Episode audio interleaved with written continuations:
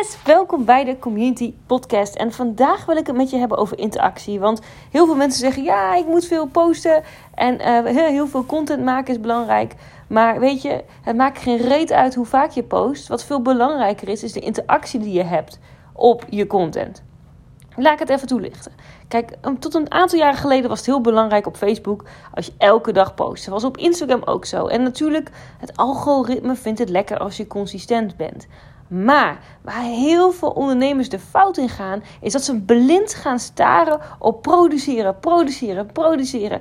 Terwijl kwaliteit belangrijker is dan kwantiteit. Want wat heb je eraan dat je de komende maanden elke dag iets gaat posten in je groep? Sommigen zelfs vier keer per dag, kom ik vandaag achter. Ja, mijn lieve, ik heb er niet tijd voor. Maar zelfs vier keer per dag gaan posten of elke dag iets gaan posten. Dat je elke keer gaat zitten zwoegen en zweten. En dat je na drie maanden achterkomt dat je nog geen ene klant hebt gekregen. Dat is gewoon zonde van je tijd.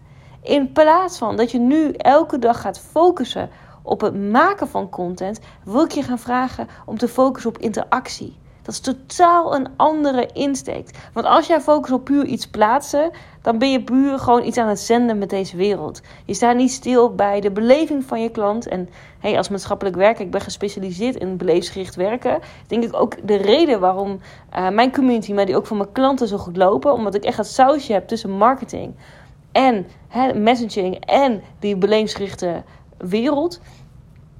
Waar het om gaat is, wat is, speelt er nu echt bij mijn klant? Weet je, we maken vaak content, we zijn zo aan het zenden, maar echte goede content zorgt voor interactie. Dus een van de dingen waar ik alleen op focus als ik iets post, is interactie. Want op het moment dat mijn leden in mijn Facebookgroep reageren, weet ik niet alleen wat ze interessant vinden, ik weet nog iets veel interessanter. Hoe meer mensen reageren op je post, des te meer ontdek je wat er nu speelt in hun hoofd. En dat stukje is echt cruciaal als jij een winstgevend bedrijf hebt. Je ziet het bij bijvoorbeeld Tony Robbins. Ik zit in zijn Business Mastery. Je ziet het bij heel veel succesvolle ondernemers. Zij plaatsen een aanbod. Zij zeggen iets en jij denkt: Wauw, dit is exact wat ik voel. Dit is exact wat ik nodig heb. Denk jij dat deze mensen dat, dat zomaar ineens weten? Nee, ze weten, het, ze weten het omdat ze continu die verbinding maken. Continu die interactie zoeken. Continu aan het kijken zijn. Wat speelt er nu? Wat hebben mijn mensen nodig? En ja, er zijn bepaalde technieken hoe je erachter kunt komen.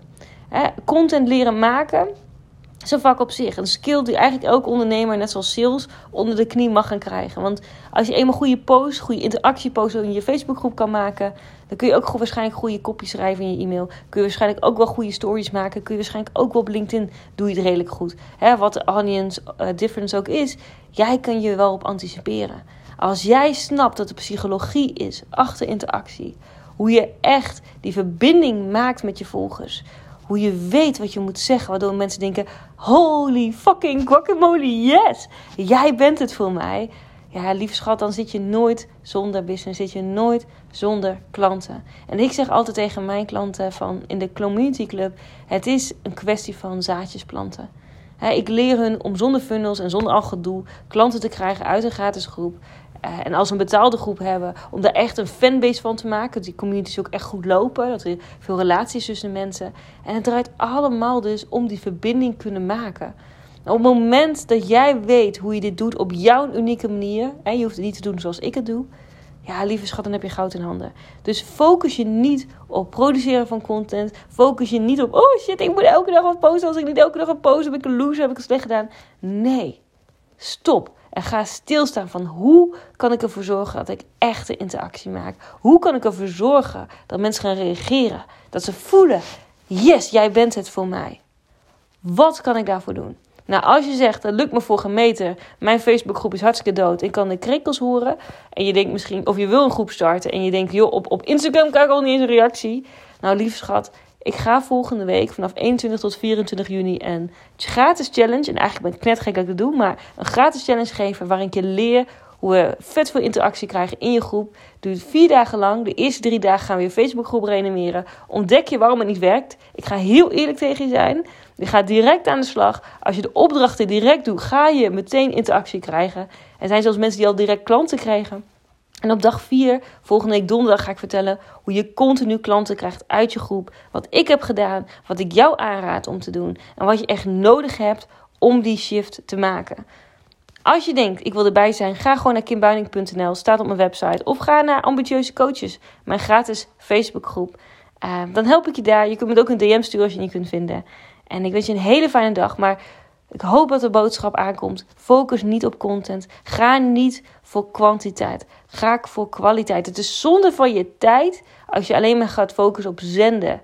Want uiteindelijk kopen we van mensen die we vertrouwen, waar we echt van voelen: yes, jij bent het voor mij. En dat soort klanten wil je ook. Je wil niet dat mensen bij je kopen omdat jij 5 euro goedkoper bent. Je wil dat mensen bij je kopen omdat ze denken: yes, jij gaat mijn leven veranderen. Jij bent een fantastische coach, jij bent een fantastische trainer. Jij bent het voor mij. Ik wens je een hele fijne dag en uh, ik hoop je snel weer te zien in deze podcast.